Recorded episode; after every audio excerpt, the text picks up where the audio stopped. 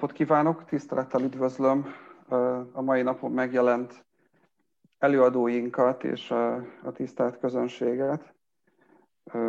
ezen a kicsit borongós, nem, is kicsit borongós novemberi délutánon. Transformatív gazdaság és társadalmi innováció címmel terveztünk egy beszélgetést bonyolítani, rendkívül érdekes témában, rendkívül remek szakembereket hívtunk meg erre a beszélgetésre. Ugye az alap kérdés, hogy a civil szektor és ugye ezen belül a társadalmi vállalkozások egy átalakuló digitális környezetben hogyan és milyen formában juthatnak támogatáshoz. Én Barabás Tamás vagyok, a Pilnet senior jogi munkatársa, a Magyar Probónó Központ koordinátora, adatvédelmi jogász. Néhány bevezető gondolatot engedjetek meg, mielőtt átadom a szót Füzi Tibornak, amely beszélgetés moderátorának. Azt gondolom, hogy nem kell igazán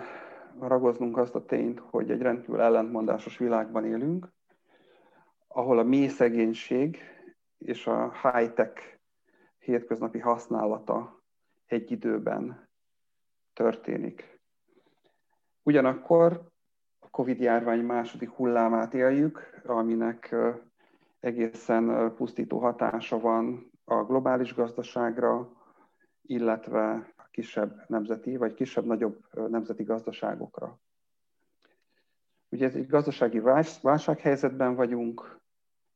a gazdasági válsághelyzetek szimptomája, hogy társadalmi csoportokat sodor kiszolgáltatott helyzetbe, vagy azok, akik már egyébként is kiszolgáltatott helyzetben voltak, még inkább a perifériára szorulnak.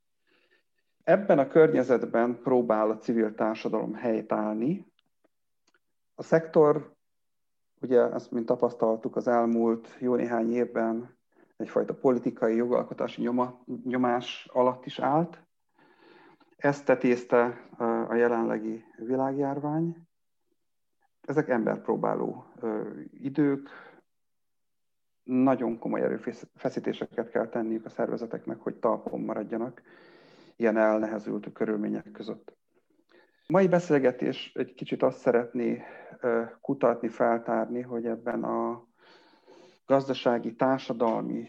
átalakulásban illetve az ezt övező digitális átalakulásban hogyan tudnak, hogyan tudják magukat pozícionálni, vagy hogyan tudnak előnyt kovácsolni talán ebből a hátrányos helyzetből azok a szervezetek, amelyek nyitottak innovatív pénzügyi megoldásokra, amelyek megpróbálják a hatékonyság menedzsmentet, ugye a szervezetfejlesztést előmozdítani erőforrásaikkal arányban, illetve próbálnak compliance, mondhatnak maguk mögött. Szóval mit is jelent ez a digitalizáció? Erről szeretnék felvillantani néhány számot. A 2019-es adatok alapján 7,7 milliárd ember él a Földön,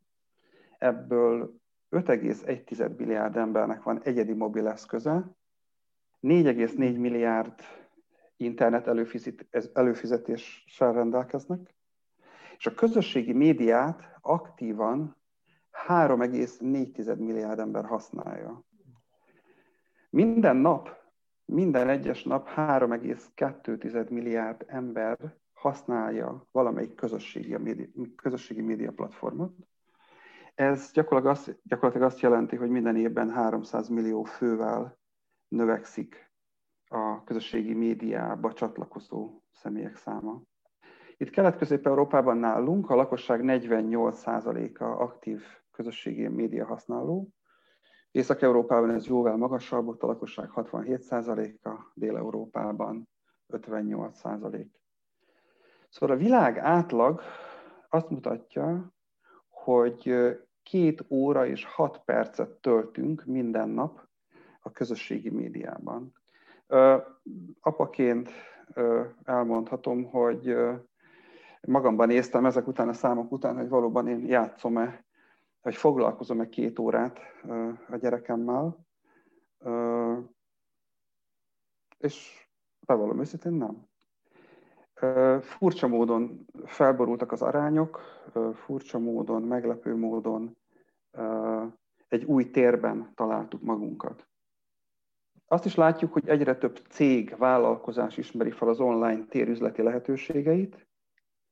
de vajon a civil szektor hol tart ebben a felismerésben, illetve ezen az úton? Nap mint nap találkozunk hírekkel, mesterséges intelligencia, Internet of Things, algoritmusok, big data, üzleti hasznosítása. De nem hallunk arról, hogy a non-profit szektor hogyan tudja, próbálja, akár sikeresen, akár kezdeti kísérletek mellett hasznosítani ezt az elképesztő mennyiségű információt, amit a digitális jelenlétünk generál. Mondok még egy megdöbbentő számot, talán mindannyiunknak a karján van, vagy sokunk karján van okos óra, vagy valamilyen internet kapcsolattal rendelkező okos otthon az otthonában. Jelenleg a világban 31 milliárd ilyen eszköz működik, jövőre 35 milliárd lesz, és egy 10 éves időtában 135 milliárd darab internet kapcsolattal bíró eszköz lesz a környezetünkben.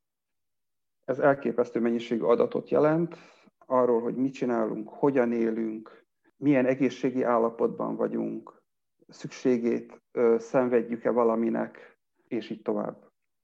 Ilyen elképesztő mennyiségű adatot generál ö, ez az új társadalmi valóság,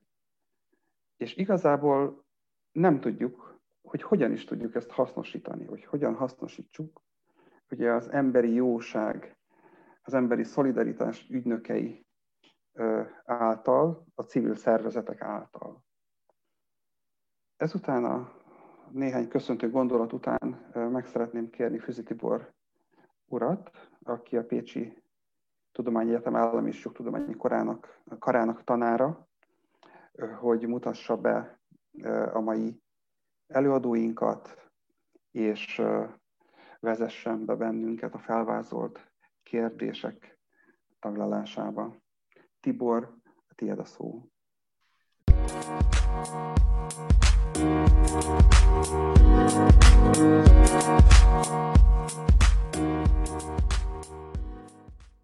Köszönöm szépen a szót, nagy tisztelettel és szeretettel üdvözlök mindenkit, az előadókat is, és a résztvevőket, hallgatóságot.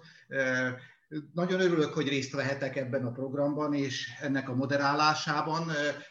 Barabás Tamással egy hosszú kapcsolatban vagyunk már. Ő ismeri azt, hogy a Pécsi Jogi Egyetemen a jogklinikai képzés honnan indult, hová jutott el, és hogy kapcsolódik ehhez a témához, amiről a meghívott előadók, beszélgető partnerek is szólni fognak.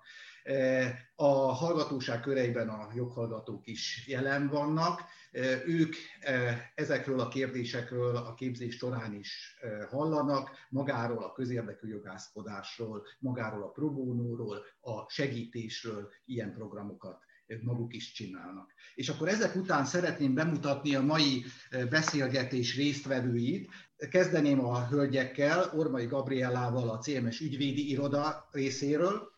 Porubcsánszki Katalinnal, az IFUA Nonprofit Partnertől, Kökény Dalma a Magnet Bank részéről, és Gerencsér Balázs a NIOK Alapítvány képviseletében. A mai programunk az előzetesen megbeszéltek szerint akként alakulna, hogy az első részben a résztvevő beszélgető partnerek a Tamás által felvetett témában ismertetnék a saját működésüket, a saját intézményük ezzel kapcsolatos működését, miben vesznek részt, egy kicsit beszélnének arról, hogy hogy látják ezt a kérdéskört, ami ugye itt a, a Tamás által felvetett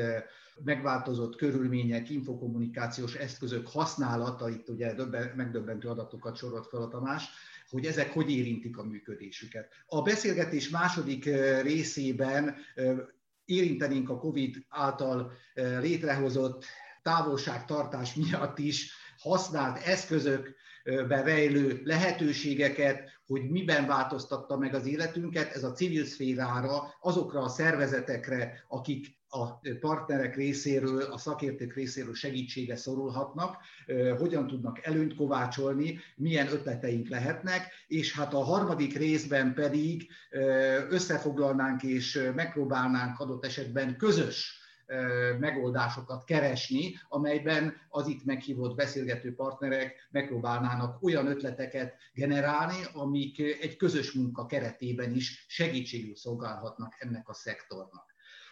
Szeretném akkor szólítani először, ha megengedi Ormai Gabriellát, CMS ügyvédi iroda részéről. Nagyon szépen köszönöm a bemutatást, igen, amint mondtad, én a CMS Budapest irodájának vagyok a,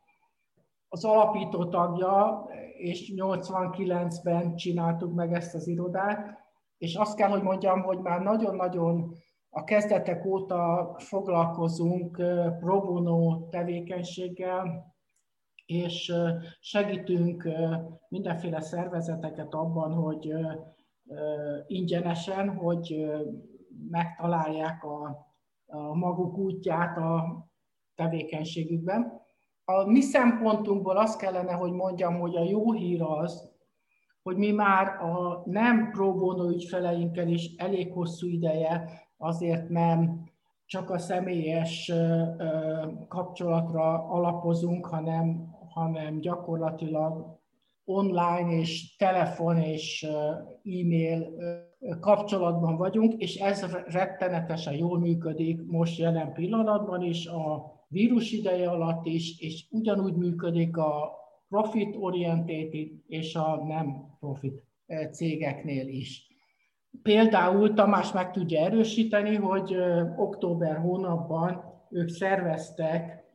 olyan napokat, amikor non-profit cégek le tudták kötni a bizonyos időpontokat arra, hogy mi megbeszéljünk velük kérdéseket, és azóta is kapcsolatban állunk ezekkel a non-profit cégekkel arra vonatkozóan, amit ők eredetileg kértek. Tehát ebben a tekintetben én azt gondolom, hogy ez jól működik. Mi ugyanúgy tudunk non-profit cégeket kiszolgálni idézőjelbe online, mint ahogy, ahogy a mi ügyfeleinket, és ezt tesszük is, továbbra is. Nyilvánvalóan az egy másik kérdés, hogy az adott non-profit cég hogyan tud alkalmazkodni, és hogyan tudja a tevékenységét online módra, vagy digitális módra áthelyezni. Én már nagyon-nagyon hosszú ideje kuratórium elnöke vagyok a Pirosor doktorok, doktoroknak, és őket tudnám, mint pozitív példát felhozni, mert ők már tavasszal az, az első hullámban elrendelték a kórházaknak a kórházakban a látogatási tilalmat, és az ő fő tevékenységük az, hogy meglátogassák a gyermekeket, és időnként az idősek otthonait is, azért, hogy a mosoly erejével hassanak a gyógyulásukra, illetőleg a hangulatukra, de az alapítványnak a menedzsmentje borzasztóan jól megcsinálta azt, hogy kidolgoztak egy teljesen más, hogy is mondjam, scriptet, hogy úgy mondjam, és, és megjelenjenek online a, a kórházakban, amikor nem lehetett ugye fizikailag látogatni. A tapasztalat az azt mutatja, hogy amikor arra hagyatkoztak, hogy ezt a, az egyedileg a betegek vagy az idősek kezdeményezék, az nem olyan jól működött. Működött, de nem olyan jól. És most, jelen pillanatban úgy működnek nagy részt, hogy a kórházzal, illetve az idősek otthonának a személyzetével állapodnak meg abban, hogy létrehoznak egy ilyen online találkozót, ahol gyakorlatilag nem csak az, hogy a, a résztvevők látják a bohócokat, hanem a bohócok is látják a, a reakciókat, tehát nincs, nincsenek elzárva egymástól, ami nagyon lényeges, mert hogyha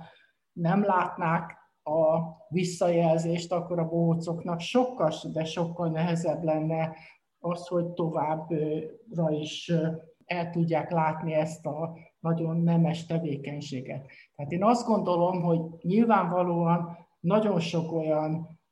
próbónó tevékenység van, ami áthelyezhető erre a platformra, és nyilván azért vannak olyanok is, amik ennél sokkal nehezebben helyezhetők át. Mi is úgy jártunk el, hogy most a karácsonyi időszakra tekintettel megvizsgáltuk az irodában azt, hogy mi az, amit tudunk teljesíteni, akár úgy is, hogy nincs olyan nagyon sok fizikai érintkezés, ajándékok vásárlása, dobozok gyűjtése, nem tudom én mi, de nagyon sok esetben el tudom képzelni azt is, hogy ez nem működik. Köszönöm szépen Gabriálának az ismertetést, a bemutatkozást, és ugye ki is tért már egy kicsit a második etapban tárgyalandó dolgokra, ez nagyon érdekes volt. Szólítanám akkor Porukcsánszki Katalint, IFUA Nonprofit Partner részéről. Legyen szíves, mutassa be a működésüket, a témához kapcsolódóan néhány szóban mondja el, hogy mit gondol erről a felvetésről, amivel elkezdtük a beszélgetést. Köszönöm szépen, üdvözlök én is mindenkit. Nagyon inspiráló volt maga a témafelvetés, meg ez a beszélgető partneri kör, akivel együtt lehet most itt ilyen témákról beszélgetni, hogy én is sokat várok ettől a, a inspirációt is, sokat várok ettől a mai megbeszéléstől. Az IFO a non-profit partner, ahonnan én jöttem, az egy 2009 óta működő non-profit Kft. Alapvetően non-profit szervezeteknek a fejlesztésével foglalkozunk, és hát menedzsment tanácsadás irányból, tehát nem az ilyen nagyon szoftos emberi coaching, személyorientált történetekkel, hanem inkább szervezeti struktúrákkal, stratégiával, folyamatokkal, controlling témákkal, akár néha még IT-ba is átcsapva foglalkozunk. Azt lehet mondani, hogy az elmúlt több mint tíz évben több mint 150 ügyfele volt már a, a, a szervezetünknek, és jelenleg is azt lehet mondani, hogy hogy folyamatosan aktívan egy ilyen 20-30 szervezettel vagyunk szoros kapcsolatban. Amiket mi csinálunk, az alapvetően három lábra építhető fel, vagy fűzhető föl. Az egyik az a legnagyobb, vagy legfontosabb része a tevékenységeinknek, az amikor ilyen klasszikus tanácsadási projekteket végzünk non-profit szervezeteknél. Ez egy ilyen küzdelmes műfaj, mert az ügyfelek sokszor nem értik, hogy mi ez, nem dolgoztak tanácsadóval, nem ismerik föl, hogy ez nekik miben segíthet, vagy magát a, szervezeti változási igényt sem feltétlenül úgy érzékelik, mint ahogyan kívülről mi látnánk ezeket. De ebből jönnek ki a legszebb eredmények ezekből a tanácsadási munkákból. Itt jönnek be azok a témák, meg azok a, a nagyon erős ügyfél visszajelzések, vagy ügyfél kapcsolódások, amikkel akár ehhez a mai megbeszéléshez is nagyon jól lehet kapcsolódni. Ahogy én végig gondoltam, hogy most az elmúlt egy-két évben kikkel dolgoztunk, és, és mi történt velük,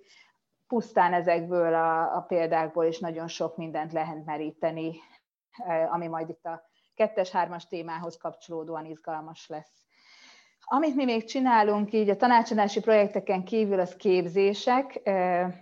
Most volt például egy online térben végrehajtott szervezetfejlesztés kétnapos képzésünk, és hát ez egy új műfaj azért, tehát az, amióta így a koronavírus itt van velünk, azóta abszolút át kellett nekünk is tenni a, a tanácsadási, képzési, meg egyáltalán így a működésünk, működésünknek minden szeletét minden tevékenységét az online térbe, úgyhogy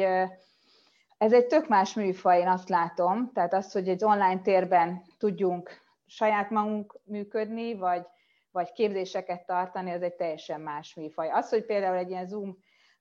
megbeszélés létrejön, ez ma már sokkal természetesebb, mint ahogy a márciusban volt a mi ügyfeleinkkel például. Tehát most már senkinek nem okoz ez gondot, hogy egy Teams vagy egy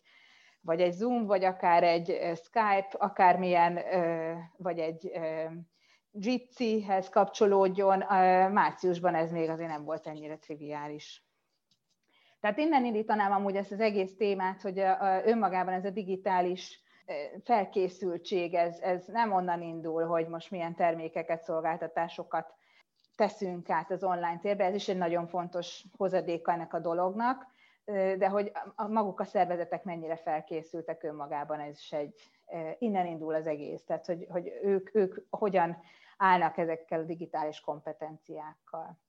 A harmadik lábunk pedig a ilyen szakmai önkéntes programok, tehát ez a probónózás, ez nálunk is abszolút benne van a, a, a működésben, már csak azért is, mert van mögöttünk névadónk, szakmai partnerünk, az egyik legfontosabb donorunk az IFU, a Horváth Partners, ami egy menedzsment tanácsadó cég. És az ottani tanácsadók nagyon szívesen jönnek a mi projektjeinkbe pro bono alapon dolgozni, úgyhogy nekünk ilyen szempontból nagy szerencsénk van, mert van egy százfős tanácsadói gárda, akik, akikből mindig lehet találni egy-két-három olyan embert, aki bejön egy-egy projektbe és, és szívesen dolgozik, akár 5-10 napokat pro alapon a projektjeinkben. Köszönöm szépen Katalinak a bemutatkozást és a témához kapcsolódó gondolatokat. Szólítanám Kökény Dalmát, a Magnetbank képviselőjét, hogy legyen szíves, mutassa be kicsit a működésüket, a témához kapcsolódó gondolatait egy kicsit ossza meg velünk. Köszönöm szépen. A Magnet, és akkor most hozzáteszem azt is, hogy közösségi bank, ugye ez a teljes neve, egy olyan filozófián működő bank, amelynek egy nagyon fontos feladata és célja, hogy az ügyfeleit, a saját közösségét bevonja a saját döntéseibe és a saját működésébe, illetve a különböző típusú ügyfeleit, civil szervezetek és nem civil szervezeteket, meg össze tudja kapcsolni egymással. Tehát mi nem csak úgy bankolunk, és egyébként ugye a bankoláson belül is mi az Etikus Bankok Világszövetségének tagjai vagyunk, tehát egy bizonyos típusú működésben bankolunk, de hogy közösséget is építünk. És ugye a civilek bankjaként nagyon-nagyon sok szervezettel vagyunk napi szintű kapcsolatban. Tehát ilyen több, több szempontból is van nagy és sűrű megélésünk erről az elmúlt időszakról, és ar- arról, hogy, hogy ebben mit jelentett számunkra és a szervezetek számára a digitalizáció. Nekünk mondjuk azt mondom, hogy két zászlós hajós programunk van, ami a civil, civilekkel és a non-profit szektorral kapcsolódik. Az egyik ugye a KAP, a közösségi adományozási program, a másik pedig a segítő bankkártyás programunk. A közösségi adományozási program az, amikor a bank minden évben az előző évből realizált nyerességének a 10%-át visszaadja abból a célból, hogy rendelkezzenek erről a rájuk eső 10%-i nyereség részről egy non-profit szervezet javára. Kicsit úgy működik, mint mondjuk az 1% felajánlása, az SEO 1% felajánlása. Ez egy ilyen 6 hetes kampányidőszakban történik meg, és és ilyenkor, ilyenkor amúgy a szervezetek számára körülbelül ilyen minden évben változik, de szóval több tízmilliós volumenű támogatási összeg szétosztásáról beszélünk, illetve a segítő bankkártyás szolgáltatásunk pedig arról szól, hogy az ügyfelek, akik nem csak folyószámlát vezetnek, de bankkártyát is használnak, ők a netbankjukon keresztül beállíthatják ezt a szolgáltatást, hogy a bankkártyájukat szeretnék segítő bankkártyaként használni, kiválaszthatnak egy civil szervezetet, és minden vásárlásuk után a bank támogatja az adott civil szervezetet egy bizonyos százalék résszel. Ez is ilyen éves szinten több tízmilliós volumenű támogatást jelent a szervezeteknek. És nyilván ezek a programok egyébként alapvetően digitális környezetben működnek, tehát maguk a szolgáltatások is ugye ezek, ami az idei évben nekünk egy ilyen érdekes helyzetet teremtett, az ugye az, hogy hogy, hogy tudjuk a, a, a kapcsolódást és a közösségépítést az idei új környezetben megoldani és megcsinálni. És hát nyilván erre egy, egy adekvát válasz volt, hogy mi is bevonultunk az ügyfelekkel és a civilekkel együtt a, ebbe a térbe, ahol most is vagyunk, és elkezdtük ezeket az eszközöket használni és megismerni, én szerintem ez nem volt annyira könnyű, ezt meg kellett tanulni, hogy ebben hogy éljünk együtt, viszont én mi, én mi azt is tapasztaltuk, hogy bizonyos szempontból mégiscsak könnyebb kapcsolódást teremtett bizonyos helyzetekben. Szóval, hogy az, hogy, hogy nem kellett szükségszerűen személyesen együtt lennünk egy-egy workshopon, képzésen, egy kap felkészítő alkalmon, stb. stb. Az valahogy sokak számára könnyebbé tette, hogy jelen tudjanak lenni, hogy tudjunk találkozni, tudjunk beszélni, tudjunk kapcsolódni, míg sokszor mondjuk pont azért, mert az ország rengeteg pontjáról ö, kapcsolódnak be amúgy az emberek a programba, ez egy ilyen nehéz, és akkor ezek most így kicsit könnyebben történtek egyébként meg. Én amit még szeretnék nagyon ö, kihangsúlyozni, így előjáróban, hogy nekünk most a, a programjaink, a támogatási programjaink, a működésünk során az, hogy hirtelen mondjuk a tényleg így teljesen át kell a digitális működésre, nem okozott gondot, és ahogy mi láttuk, a civil szervezeteknek sem, illetve a többségének nem, azok a szervezetek, akik a kapba pályáztak, nyertek, jöttek, kampányoltak, 99%-ban olyan erőforrásokkal és mondjuk olyan tudástőkével rendelkeztek, hogy ezt ilyen viszonylag könnyen oldották meg. Ami problémát viszont beazonosítottunk, hogy ugye ezek a szervezetek, ahogy az elején is elhangzott, ugye valamilyen jóért dolgoznak, valamilyen célcsoporton kívánnak segíteni, és hogy inkább azt láttuk, és azt kaptuk tőlük visszajelzésnek, hogy az ő problémájuk az volt, hogy a elérni kívánt célcsoportjuknak van problémája a, digitál, a digitális eszközök használatával, a digitalizációval, avval, hogy az elérendő célcsoport nincs ott feltétlenül a digitális térben, ő nem tudja jól kihasználni ezeket a lehetőségeket, és, és szerintem azon érdemes egy picit gondolkodni, és egyébként voltak erre jó példák itt a, a tavaszi-nyári időszakban, hogy például ezen hogy lehet segíteni, tehát hogy a szektor is nyilván különböző, szektorban lévő szereplők is különböző szinten mozognak, de hogy számukra az egy tök nehézség volt, ahogy mi láttuk, hogy a célcsoportjuk tűnt el hirtelen attól, hogy a személyes találkozások eltűntek hirtelen, és mondjuk olyan folyamatok akadtak meg, meg olyan elkezdett projektek álltak le, nem a szervezet, hanem a célcsoport eltűnése miatt, amik több fontos lett volna, hogy ugye folyam, folyamatossága így megmaradjon, és hogy, és hogy folyamatosan ugye kapcsolatban tudjanak, hogy látható legyen a probléma is, amivel eddig dolgoztak. Úgyhogy én ezt azonosítottam be így ebbe az időszakban, szerintem egy ilyen fontos problémaként, és egyébként többek között ezért is írtuk ki most már úgy a következő évi kapkampányjal kapcsolatos pályázatot a civileknek, akik most ugye jelentkezhetnek erre december 21-ig, ha részt akarnak venni ugye a programba, hogy, hogy most újra, az újratervezést nevet adtuk ennek az idei, a 2021-es kaprogramnak, hogy ugye nagyon sok, nagyon sok szervezettel szervezettel beszéltünk, beszélgettünk az idén, nagyon sok mindent tanultunk tőlük, és ezért is döntöttünk úgy, hogy akkor most a 2021-es közösségi adományozási program témája az újratervezés lesz, és hogy ahhoz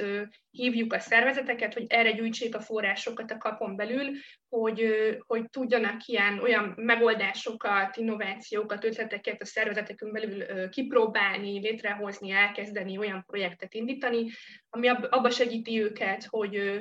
hogy ehhez a megváltozott körülményhez, amiben most működniük kell, a lehető legjobban tudjanak alkalmazkodni, és hogy olyan időtálló, meg válságálló megoldásokat találjanak ki, amivel ezt a szakmai folytonosságot fent tudják tartani, amit elkezdtek az elmúlt években. És még egy dolgot szerettem volna csak gyorsan, hogy, hogy, hogy így felmérvén azért, hogy milyen helyzet van idén, mi próbáltunk úgy is reagálni erre az egészre, hogy, hogy, hogy elmozduljunk a pro szolgáltatások irányába azon a módon, hogy, hogy azokat az ügyfeleinket, akik tudnak pro szolgáltatást, tehát főleg ilyen céges ügyfeleinket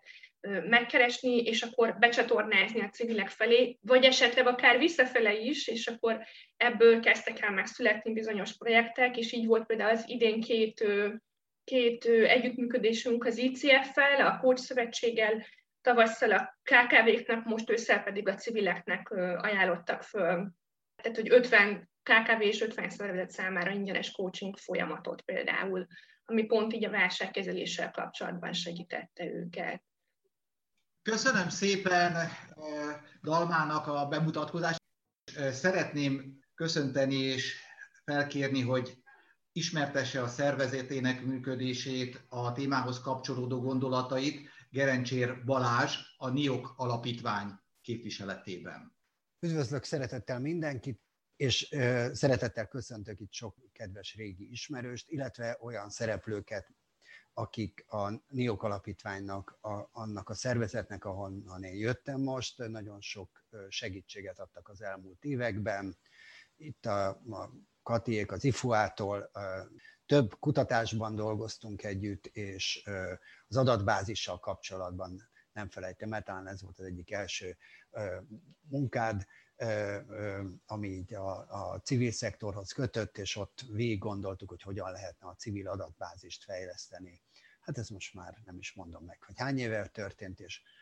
sok más segítséget kaptunk a Pilnettől is, és köszönöm szépen Höflinger hajnalkának is a, a jelenlegi segítséget, amit kapunk. Úgyhogy valóban működik ez a segítő közösség, és a civil szervezetek rá is szorulnak erre, és nagyon jó, hogy ennek vannak itthon támogatói. Mi az, ami mi kapcsolódásunk ebben az időszakban, mint a legnagyobb civil szolgáltató és szektorfejlesztő szervezet, elég összetett programot csináltunk ebben a, a krízis időszakban, erre majd később rátérek, az lesz a második blokk, úgyhogy ezt a tapasztalatomat fogom elmondani. A NIOK, mivel küldetése, hogy az országban működő civil szervezeteket segítse, nem pénzzel, hanem szolgáltatással nagyon régóta ráállt arra, hogy online próbálja a minél szélesebb kört elérni. Ezt egyrészt anyagi okok miatt, másrészt éppen a tömegesség miatt, hogy nagyon sok szervezetet érjünk el egyszerre volt cél. Most például csak említem a legnagyobb országos hírlevelet, amely ebben a témában megjelenik, a nonprofit.hu NIOK hírlevelét, amit hát eleinte emlékszem 300 címre faxoltunk el, ez volt az ősi állapot, és most meg tizenvalahány ezer civil szervezetnek megy ki hetente, most már 600. példánya, tehát minden ö, ö, civil szervezet, aki akarja, ingyenesen megkapja ezeket az információkat. Szóval széles köre van annak, akit el lehet érni online, és amit Dalma említett, ö, ö, most ebben a krízisben is nem az volt talán a kérdés, hogy a, ezek a típusú szolgáltató nagyobb szervezetek tudnak-e online-ra átállni, hanem a szolgáltatásaikat át tudják-e állítani, illetve azok a civil szervezetek, akik az elmúlt időszakban, hát mondjuk amiatt, hogy nagyon sok idős vett részt a vezetésükben, olyanok, akik mondjuk így a digitális megoldásokat nem annyira ismerték, egy kicsit lemaradtak, ők szerintem nem most, hanem már korábban a krízis előtt leszakadtak, hiszen nagyon sok elvárás, pályázati beadás, minden más digitálisan zajlott. Úgyhogy nekünk a célunk mindig az volt, hogy a lehető legszélesebb kört és digitálisan is próbáljuk elérni, ezért a két ilyen nagyobb szolgáltatás csomag, amit, vagy három, amit szerintem sokan ismertek, ez a Civiltech, ami a szoftver és hardware elérést biztosítja a civil szervezeteknek ingyenesen vagy kedvezményesen. Erről is tudok mesélni nagyon szívesen. A nonprofit.hu, ami egy abszolút az egész szektor számára egy fontos tudás, tudásbázis, és most már több mint 18 éve ingyenesen elérhető, illetve a legnagyobb adománygyűjtő portál az adjukössze.hu, aminek a elindításában Dalma is elévülhetetlen érdemeket szerzett.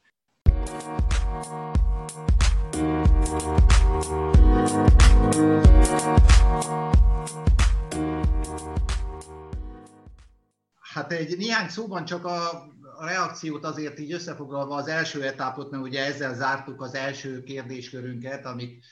magunk elé tűztünk itt a mai napra.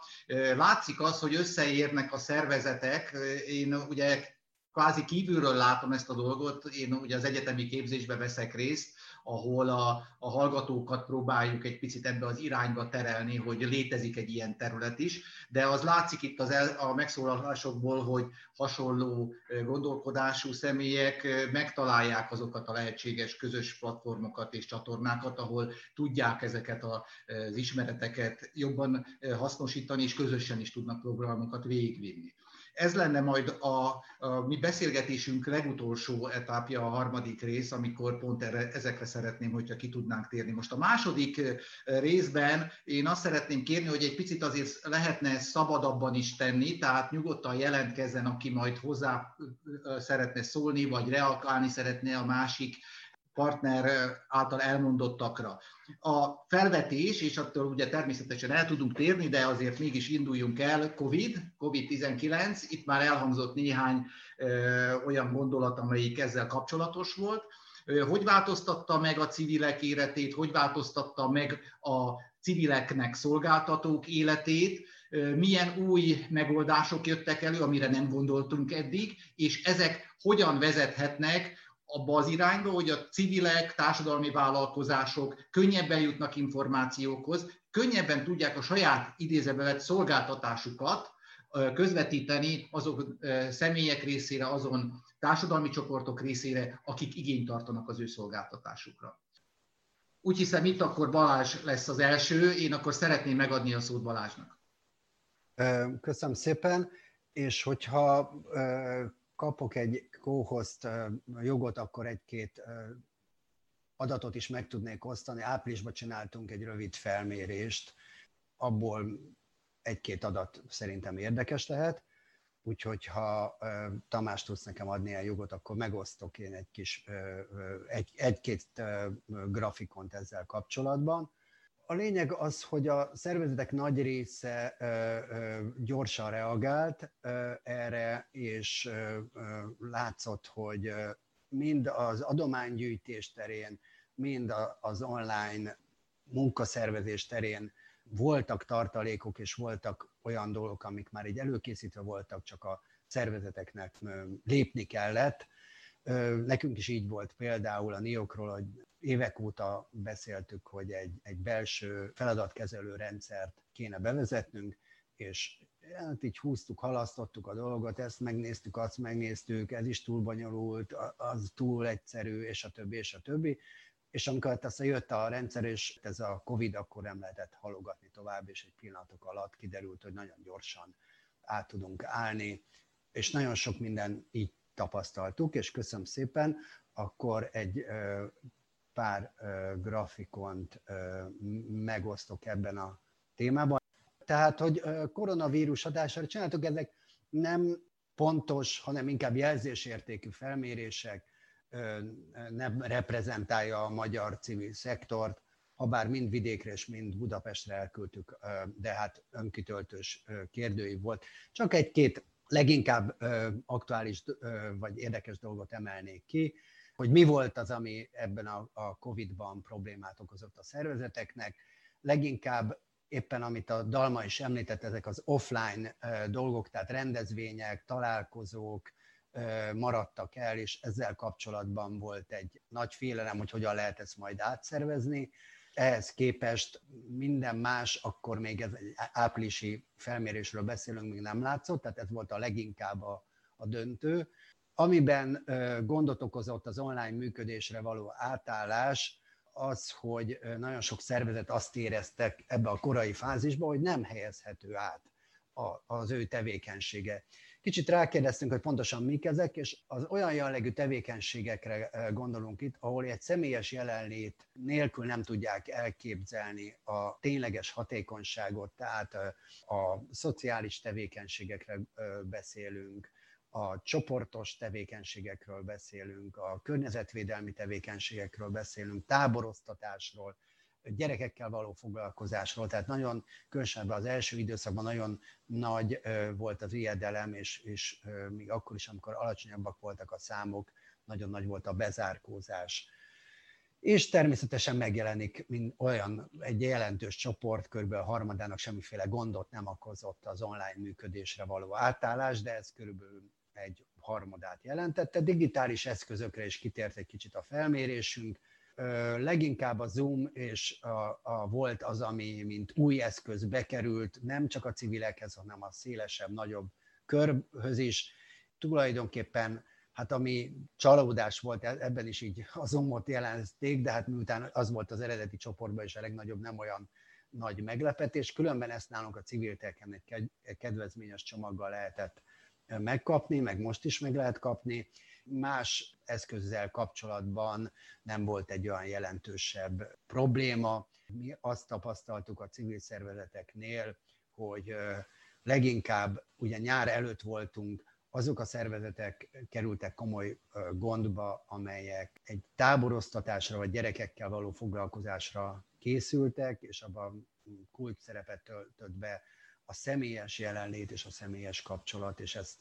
nagyon nehéz volt elképzelni akkor, ma már könnyebb elképzelni, hogy hogyan lehet egy ilyet csinálni, hogy ennek a melegsége és közelsége, az ugyan, vagy hatékonysága ugyanolyan nagy-e, azt persze vitatnám, és, és hosszú távon majd ez ki is fog derülni nyilván több kutatásból, hogy mit vesztettünk ez alatt az év alatt, amellett, hogy sok mindent nyertünk ebben, hogy az emberek sokkal távolabbra kerültek egymástól. Úgyhogy csak most csak ennyit vetítnék előre. Köszönöm. Tök, tök sok, tök jó gondolatot elindított szerintem most itt a Balázs, és egy picit visszatérnék ahhoz, amit az előbb már így megpendítettem. Én szerintem egyébként, a, vagy ahogy mi láttuk a, a, a mi azokkal a szervezetekkel, akikkel szoros kapcsolatban álltunk, hogy viszonylag rugalmasan és gyorsan tudtak alkalmazkodni a szervezetek a megváltozott helyzethez. Tehát azt láttuk, hogy az, hogy ők hogy működjenek, ők hogy tartsák a kapcsolatot egymással, a munkaszervezés hogy történjen, egyáltalán ez a digitalizáció hogy történjen, az viszonylag rugalmasan és gyorsan megtörtént a többségüknél. Én arra azt hoznám újfent egy picit vissza, hogy nagyon sokuknál ugye ez volt a probléma, hogy vannak bizonyos szolgáltatások, amit nem lehet, vagy nem lehet nem személyesen csinálni, mert egyszerűen mindenféleképpen, tehát tudom én, a, a sportolóknál ez egy ilyen megkerülhetetlen helyzet, vagy a sport egészségmegőrzéssel foglalkozó szervezeteknél, hogy ott legyenek az emberek is, ahol lenniük kell, tehát hogy így együtt tudjanak mozogni, stb. stb. Viszonylag kevés dolog vihető át online térbe, a joga óra nyilván nagyszerűen, de vannak dolgok, amik nem,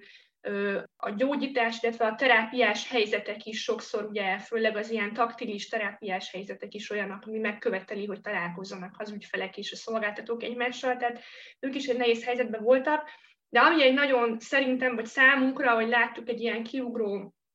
téma és terület volt, ez az oktatás. Ugye nagyon sok szervezet foglalkozik oktatással, ott vannak a tanodák például, és hogy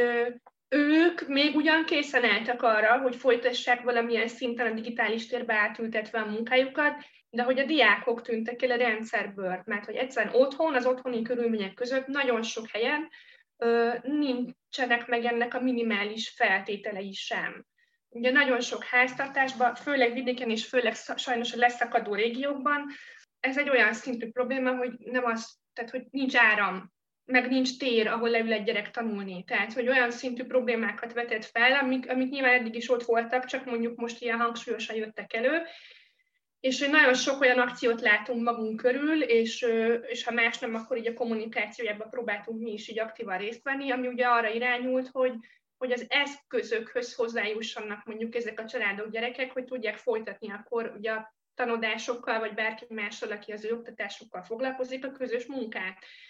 Tehát, hogy erre akartam visszacsatolni, hogy, hogy nyilván a civil szervezeteknél is felvetett problémákat ez a helyzet, amiket meg kellett valahogy oldani, és, és voltak olyan tevékenységek, amiket nem lehetett tökéletesen átültetni a digitális környezetre. Nyilván a táborokat sem lehetett, bár mi látunk olyat, aki bevitte egyébként a tábori foglalkozások egy részét az online térbe, és ott már a szülőket is be tudták ráadásul vonni, tehát ilyen tök kreatív megoldásokat kínáltak föl de hogy az, az, az, azok voltak ilyen problémás helyzetek, ahol a célcsoport egyszer csak elkezdett nem látszódni. És ugye ez főleg az oktatásnál, a családon belül erőszak témájánál, és még, még néhány ügyben így állatvédelmi ügyeknél is egyébként tökre kiélesedett, hogy hirtelen azt, hogy megszűnik az offline tér, az, az, az azért komoly problémákat szült sajnos. Köszönöm szépen az Almának a a hozzáfűzést és a felvetett gondolatokat. Én egy szóban, hogyha kapcsolódhatok hozzá az oktatás, ugye ami az én területem, hogy ez egy generációs kérdés is, és ezzel is talán meg kell küzdeni, és ez kivetíthető minden ilyen digitális úton történő kapcsolattartásra, hogy a fiatalok könnyebben fognak ehhez hozzáidomulni, könnyebben tanulják meg azokat a technikákat, amit adott esetben egy más korosztálynak újdonságok nem ebbe születtek bele. Ugye mi is az oktatásban ezzel küzdöttünk, és küzdünk is a mai napig. Ehhez külön érteni kell, hogy az ember a digitális oktatást hogyan szervezi meg, hogyan adja át a tudást, milyen tudást ad át, milyen feladatokat ad a hallgatók, tanulók részére. Mind a kettőtökhöz szívesen kapcsolódom, annyiban, hogy azt az, azokat a témákat, amiket eddig mondhatok, hogy hol volt igazán erős hatása az első hullámnak, azt kiegészíteném azzal, hogy akik fogyatékkal élőkkel dolgoznak, ők is iszonyatos módon megsínlették. Ők a mai napig sínlik egyébként, tehát ők nem tudtak kijönni ebből, mert akik fogyatékkal élők, ők, ők nem tudnak úgy ezekkel a szabályokkal mit kezdeni, és nekik sokkal inkább a, tényleg szükségük van arra, hogy személyes jelenlét és, és a rutin meg legyen, ha mondjuk az autistákra gondoltok. Úgyhogy ez abszolút egy ilyen olyan ö, oktatás, ö, gyógyítás mellett egy ilyen harmadik hatalmas nagy buborék, ahol ez a mai napig egy ilyen megoldatlan történet. Én egyébként látok különbséget az első meg a második hullám között, biztosan ti is így vagytok ezzel, hogy az első hullámmal azért alapvetően ez az online áttérés, digitális működés elindítása volt, és ami még nagyon megdöbbentő volt, hogy emellett mindenki áttette saját magát ebbe a térbe, az is előjött, hogy a, a kedvezményezettjeiket elkezdték segíteni, hogy kapcsolatban tudjanak maradni, vagy akinek ezáltal megváltozott az élethelyzete, akkor próbálják meg segíteni, kisegíteni ebből a nehéz helyzetből, amibe került. Akár olyan áron is, hogy a szervezet gyakorlatilag félredobta a korábbi tevékenységeit is egy ilyen vészhelyzetüzemmódra átállva kezdett el ilyen segélyező, támogató feladatokat fölvállalni. Úgyhogy ez egy ilyen nagyon érdekes első hullámos tapasztalat volt, most ez a második hullám már mást hoz, és azt lehet szerintem mondani, vagy én azt mondanám így azokból a példákból, amiket látok magunk körül, hogy elindult az is, hogy a szervezetek elkezdték saját magukat újra gondolni, és ez a nagyon izgi, vagy a jövő irányába ez az, ami, ami elvezet. Ennek egy részben a kényszer az oka, tehát ha nem jönnek a bevételek, mondjuk, akkor ott egy nagyon erős újragondolási feladat van, erre is láttunk példákat bőven. Valakinek ez sikerül megugrani, és valami szuper jó dologgal kijött, akár egy új szolgáltatással, amit akár az offline, de leginkább mondjuk az online térben képzel el, mások pedig lefagytak teljesen ettől a történettől, és, és, és egyszerűen nem tudnak a mai napig mit kezdeni ezzel. Lehet egy olyan vetülete is, hogy a fundraisingben elkezdtek nagyon kreatívak lenni, erre biztos a Balázs mondhatna még pár példát, hogy mennyire hasít most az adjuk össze, meg ez a nagykövetes kampányolás. És hát egyáltalán az, hogy, hogy hogyan szeretnénk működni a, a jövőben, ilyen működési modellek kapcsán is nagyon, nagyon izgalmas új témák jöttek elő a szervezeteknél. Tehát ez a újra gondoljuk, újra tervezés téma, ez abszolút egy ilyen mottója ennek az időszaknak, én azt mondanám. Igen, ezt, ezt teljes mértékben egyetértek az előttem szólóikkal, hogy újra kell tervezni a tevékenységet. A mi szempontunkból, ugye, mint kvázi szolgáltatók szempontjából én azt gondolom, hogy a jó hír az az, hogy mi továbbra is tudunk segíteni mindenben, ahogy eddig, tehát gyakorlatilag bárki hozzánk fordul, és erre a legjobb példa volt az, amikor a Pillet októberben két olyan napot is szervezett, amikor a mi kollégáinkat, a non-profit szervezetek meg tudták keresni a különböző problémáikkal, és mi ebbe, elbeszélgettünk velük, és azóta is folyamatosan kapcsolatban állunk velük, tehát ezzel bővítettük a mi non-profit portfóliónkat, hogy segítsünk nekik abban, amik nekik, amik nekik problémákat okoznak a működésükben. Tehát igazából én úgy, úgy érzem, hogy a, ez egy két, kétrétű dolog a mi szempontunkból. Egyrészt mi biztos, hogy tudunk segíteni digitálisan, online, akárhogy, és aztán az alapítvány vagy a, a pro bono szervezetnek a tevékenységén múlik az, hogy ők mennyire tudják ezt áthelyezni a digitális térbe, és én megértem azt, hogy vannak olyan tevékenységek, amiket nagyon nehéz áthelyezni, de én sose gondoltam volna, hogy amiről eredetileg beszéltem volna a Boltz doktorok, az áthelyezhető lesz, és ők mégis megtették. Tehát én azt gondolom, hogy arra kellene ösztökélni mindenkit, akit csak lehet, hogy próbálják meg, hogy adaptálódjanak a jelenlegi körülményekhez, és próbáljanak meg találni módokat, ahogy ezt meg tudják csinálni. Mi a, az irodában ugye megvizsgáltuk azt, hogy milyen lehetőségek vannak azoknak a, azoknak a karácsony előtti tevékenységeknek a végzésére, amiket egyébként minden évben végzünk, gyűjtünk, gyerekeknek veszünk olyan ajándékokat, amiket ők me- megjelölnek, hogy mit szeretnének. Ezek még úgy gondolom, hogy ezek mind működnek, anélkül, hogy különösebb problémák lennének. Tehát én azt gondolom, hogy nagyon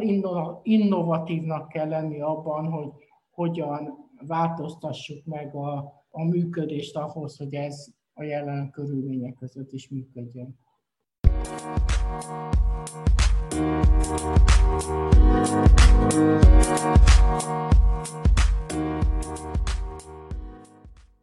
Áttérhetnénk a harmadik kérdéskörre, amit így erőzetesen kitűztünk magunknak, hogy beszélni fogunk róla. Ez pedig azt jelenti, hogy egy picit az elhangzottakat is felhasználva próbáljunk gondolkozni azon, hogy hogyan lehetne a jövőben együttműködni a különböző szektoroknak, az itt megjelenteknek akár, hogyan tudnánk kitalálni olyan megoldásokat, amik alkalmazhatóak a mostan tapasztalt és kialakult helyzetben, olyan időszakra is, amikor remélhetőleg nem lesz COVID járvány, nem lesznek korlátozó intézkedések. Tehát picit próbáljuk ezt átvinni, áttransformálni ezeket a dolgokat, és előre gondolkodni már. Szerintem, hogy két témát hoztunk így, vagy több témát is, de két téma, hogy visszatérően fölmerül, hogy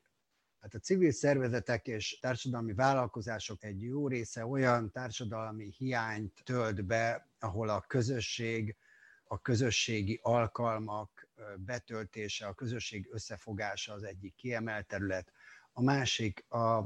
olyan rétegek, csoportok, amelyek kisebb figyelmet kapnak egy állami vagy for-profit ellátási rendszerbe, és ezeknek a hiányoknak a betöltésére létrejönnek non-profit szervezetek vagy társadalmi vállalkozások, és megpróbálják ezeket a akár sérültekkel foglalkozó csoportokra gondolok, vagy akár marginalizálódott csoportokra gondolok, és mindegyik azért igényel, vagy nagy része igényel, ahogy már itt többen felvetették, speciális megközelítéseket, nagyobb figyelmet, és ebben az esetben fölmerülhet az, hogy egy ilyen online világban az ő érdekeik, az ő, ő velük való kapcsolat sérül. Átnézegettem itt a előadás előtt nagyon sok szervezetnek a visszajelzését, amit írtak, nekünk azt mondták, hogy nem tudnak összejönni, nem tudnak foglalkozni rendesen az autistákkal, nem tudják megcsinálni a tábort nekik, írták, hogy hatonan lennénk, minden héten eddig összeültünk, most ez nagyon régóta nem sikerül, úgyhogy nagyon sokan ezt úgy élték meg, mint a, a jövőjük, vagy az eddigi szokásaiknak az elvételét, és természetesen, ami itt szóba került, beléptek ezzel az online megoldásokkal olyan csoportok, akiket eddig nem tudtunk elérni, távol voltak, az utazás miatt kiestek, tehát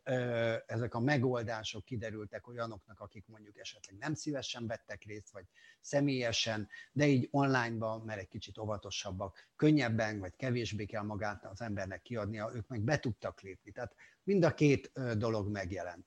Mellette beszéltünk arról, hogy szerintünk a civil szervezetek egy széles köre éppen az olcsóbb technika miatt már használt ezeket az online megoldásokat, úgyhogy nem érte a jelentős körét ez váratlanul. Nem beszéltünk még egy másikról, hogy nagyon szeretnek a szervezetek, a civil szervezetek kísérletezni, új megoldásokat keresni. Támogatók is nagyon sokszor éppen azt támogatják, nem a már meglévő megoldásokat, hanem az új, innovatív megoldásokat keresik, egy kicsit bele is nyomják ebbe a, a non-profit szervezeteket, hogy ilyenekben lépjenek előre. Tehát, hogy én nem érzékelek sőt, jó pár for-profitba dolgozó évfolyam, volt évfolyamtársam, kortársamhoz képest azt látom, hogy a non-profit szervezetek azért elég jól föl vannak készülve, a maguk területén elég jól használják ezeket az eszközöket, és azt gondolom, hogy ez, én legalábbis abban bízom, e két szempont miatt. Egyrészt, hogy online dolgozni olcsóbb, és elég költségérzékenyek vagyunk, állandó forráshiányjal küzdünk, úgyhogy van egy ilyen nyomás rajtunk, hogy ebbe az irányba keressük a megoldást. A másik dolog éppen az, hogy a támogatók az innovatív megoldásokat keresik, és szeretik az új, akár online megoldást, ahol egy civil szervezet, vagy akár egy társadalmi vállalkozás egy nagyfokú elérést tud elérni, tehát hogy ez is ebben nyom minket, és itt kell egy pillanatra megállni és gondolni azokra a nehézségekre, problémákra, amiket az elején soroltuk fel, hogy valóban olyan mély, olyan mértékű változásokat, olyan jó szolgáltatásokat tudunk, azt a társadalmi hiányt, ami éppen a személyesség megszűnése, és amit a, ezek a klubok, körök, egyesületek, az egyesületi találkozások, vagy ami, ami az ilyen ellátásokat jelentett, a, a, a gyerekeket esetleg sérült, vagy mindenféle hátrányban szorult csoportnak az ellátása napközéje valósult meg, ezek hogy tudnak ilyen környezetben működni. Szerintem ez egy ilyen kettős mérleg, hogy valószínű lesznek olyan megoldások, ami éppen egy, ennek a csoportnak eddig nem voltak, és, és segítséget jelentenek majd de azért én, én nagyon félek attól is, hogy mivel nagyon könnyen elindulnak a civilek is ebbe az irányba, épp ez a nagyon nagy hiátus, hogy emberek le tudnak ülni egymással, ráérősen a másik problémáját meghallgatva, esetleg meglapogatva a másik hátát, egy találkozást tud létrejönni, hát ez valószínű az onlineban azért egy sokkal hidegebb kapcsolat, és azt a fajta melegséget, támogatást, esetleges lelki e-, együttlétet nem hozza létre. Úgyhogy mind a két elképzelés, vagy mind a két lehetséges narratíva szerintem itt, itt megjelenik a, a, a jövőben. Köszönöm szépen. Hogyha kérdezhetek én ehhez kapcsolódóan, ugye miért itt a témánk az, hogy hogyan tudnánk összekapcsolni a különböző segítőszervezeteket, vagy azokat a szervezeteket, akik felajánlanak bármiféle erőforrást a civil és társadalmi vállalkozások számára, hogy Katalint, ha megkérdezhetném arról, szervezetfejlesztés például, mit hozott a, ez a Covid-ban ezek az új technikák, hogyan lehetne erre megtanítani a civil szervezeteket, hogyan lehet a vezetői tanácsadásba kicsit belevinni olyan dolgokat, amik eddig nem voltak, hogyha ezt megkérdezhetném. Igen, ez egy abszolút olyan téma, főleg így ezzel a Covid-dal súlyosbítva, ami, ami, ami erősíti a, a különböző segítők közötti együttműködés. Tehát eljön, előjönnek ilyen interdisziplináris témák, amiket nem tud önmagában egy közgazdász megoldani, nem tud önmagában egy jogász megoldani, vagy egy informatikus, hanem, hanem szükség van az együtt gondolkodásra és a közös munkára. Én ezt messzebbről indítanám egyébként, de biztos, hogy a koronavírus is hatalmas hatással van itt, visszautalva a második, vagy az előző körben elmondottakra, hogy itt, amikor szervezeti működés újragondolás a feladat, az újratervezés a feladat, akkor előjönnek a napi rutinból messze menően túlmutató témák. Kezdjük onnan, ami itt egy picit azért én vitatkoznék a, a előttem szólókkal abban a tekintetben, hogy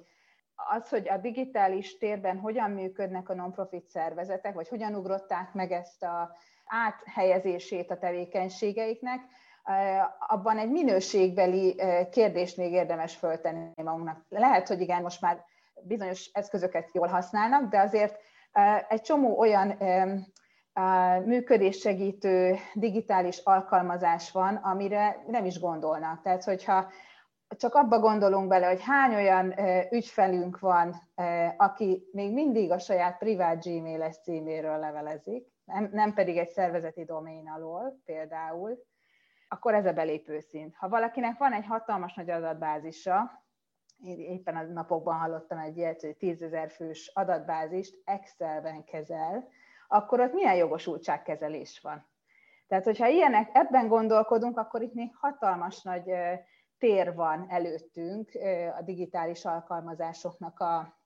a, a terjesztése terén. És akkor arról nem is beszélek még, hogy, hogy mondjuk dashboardokat, tehát a saját belső működésünknek a, a monitorozására miket használunk, vagy egy hatásmérésnél használunk-e ilyen színeszagos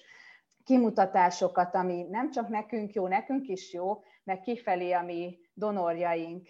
és akár kedvezményezetjeink, bármiféle érintettjeink felé. Ez, tehát azért mondom, hogy teljesen más szinten lévő dolgok vannak, és igazából nyilván vannak nagy szervezetek, akik ezen túlmenően is már példát mutathatnának a, a kisebbeknek, de ha csak innen indulunk, hogy a működésfejlesztésben is rengetegféle téma van, és akkor itt megint vissza az első tételmondatra, amit most mondtam, hogy igazából ezek mind olyan témák, amiket sokféle szakterületnek közösen kell tudni kezelni. Mert például egy ilyen digitális fejlesztésnél abszolút a informatikusokra is nagy szükség van. A másik ilyen nagy téma, hogy mondjuk egy szervezeti átalakulás, ha azt találja ki egy szervezet, hogy ő most akkor bevezett egy digitális szolgáltatást, és azt mondja, hogy ez a digitális szolgáltatás akár egy önálló szervezetben fog megvalósulni, akkor már is előjön az, hogy nekem ezt akkor ki kell találni, hogy milyen szervezetben működik ez a tevékenység. Előjönnek a,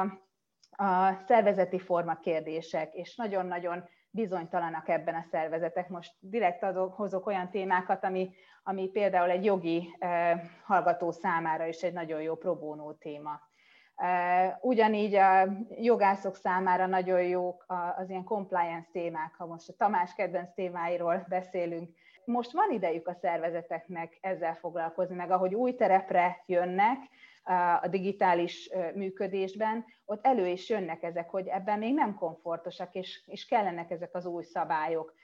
amik mentén a jövőben működnek. Eljön egy csomó kérdés, ahol jogási segítségre abszolút szükség lehet. Egy dolgot szerettem volna hozzátenni, hogy ez még egyébként nekünk is nagy fejtörést okozott, ilyen nagyon profán, egyszerű dolog, hogy mondjuk az elektronikus aláírás, annak mik a autentikus formái, hogy könnyítsünk magunkon ilyen szempontból is. Itt is szerintem nagyon fontos, hogy, hogy jogi szempontból is meg legyen ezek, ezek támogatva, hogy na az legyen, hogy az ügyfél, vagy akár mi is nem akarunk a postára nyilván elmenni, hanem próbáljuk már meg ezt valahogy olyan formában kezelni, ami, ami nem csak jogilag van rendben, hanem egyébként a hozzáférés is adott egy egyszerű non-profit szervezet számára is akár. Ezzel teljes mértékben egyetértek. Igen, a, az elektronikus aláírással kapcsolatban még kidolgoztunk mindenféle ö, variációkat, mind a munka jog, mind a polgárjog területén, tehát pontosan tudjuk azt, és hogyha szükséges, akkor mindenkinek meg tudjuk küldeni azt, hogy milyen, milyen dokumentum aláírásához milyen aláírásra van szükség. Elegendő egy e-mail, elegendő egy DocuSign normál, egy DocuSign minősített, tehát igazából igen, ez egy nagyon fontos kérdés, és most itt ugye az elmúlt néhány hónapban ez különösen kiemelkedő probléma lett. Erre vannak megoldások, és hogyha bárkinek erre szüksége van, azt mi szívesen rendelkezésre bocsátjuk. Ha én kérdezhetnék még, hogyha már itt Gabrielánál van a szó, hogy hogyan kapcsolódhat egy ilyen nagy ügyvédi iroda, mint a CMS a civilekhez, a felvetett, a korábban itt felvetett témákban, ugye itt én említettem a szervezetfejlesztés, és utána itt ezt tovább, Katalin tovább mondta ezeket a területeket. hogy van-e ilyen együttműködés a szervezetek között, meg lehet-e ezt valósítani, és milyen formában? Elsősorban mi három forrásból táplálkozunk, hogy úgy mondjam. Egyrészt vannak egyéni megkereséseink, amik már hosszú évek óta léteznek, és segítjük ezeket a pro szervezeteket. Van a PILNET hálózat, aminek nagyon hálásak vagyunk, és még októberben is több ilyen eseményt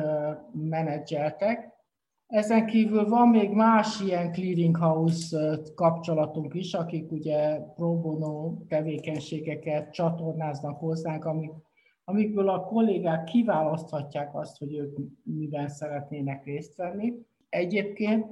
még ehhez hozzáadva a londoni e, irodánk is e, kapcsolatban áll minden több clearinghouse-zal, és ők is adott esetben csatornáznak pro tevékenységet a régióba. Tehát nagyon-nagyon sok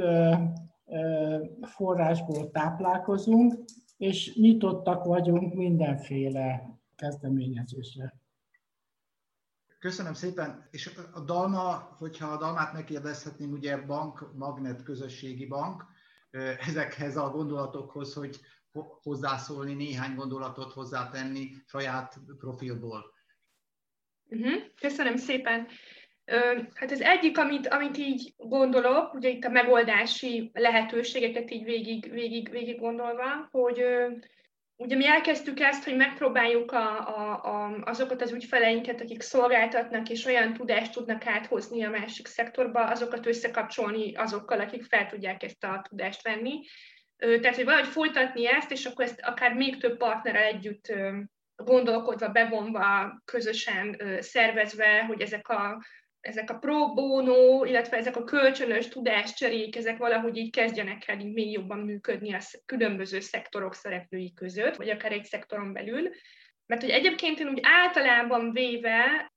azt gondolom, hogy ez az időszak, és hogy így nézve, látva, és a felméréseket, és például, amiket a NIOK csinált értékelve, azt gondolom, hogy az egyik egy az egyik legfontosabb lehetőség most szerintem hosszabb távon, az egyébként, és most megint visszatérek így magamhoz, a közösségépítés és a közösség erejének a becsatornázása és felhasználása. És akkor ezzel több mindent értek. Az egyik az az, hogy szerintem a szervezetek, ha valamikor, akkor most nagyon felismerték azt, hogy mennyire fontos, hogy saját maguk köré minél nagyobb közösséget építsenek. Tehát, hogy a, a az ismertségüket, az elismertségüket, a bázisukat minél jobban megerősítsék és növesszék, mert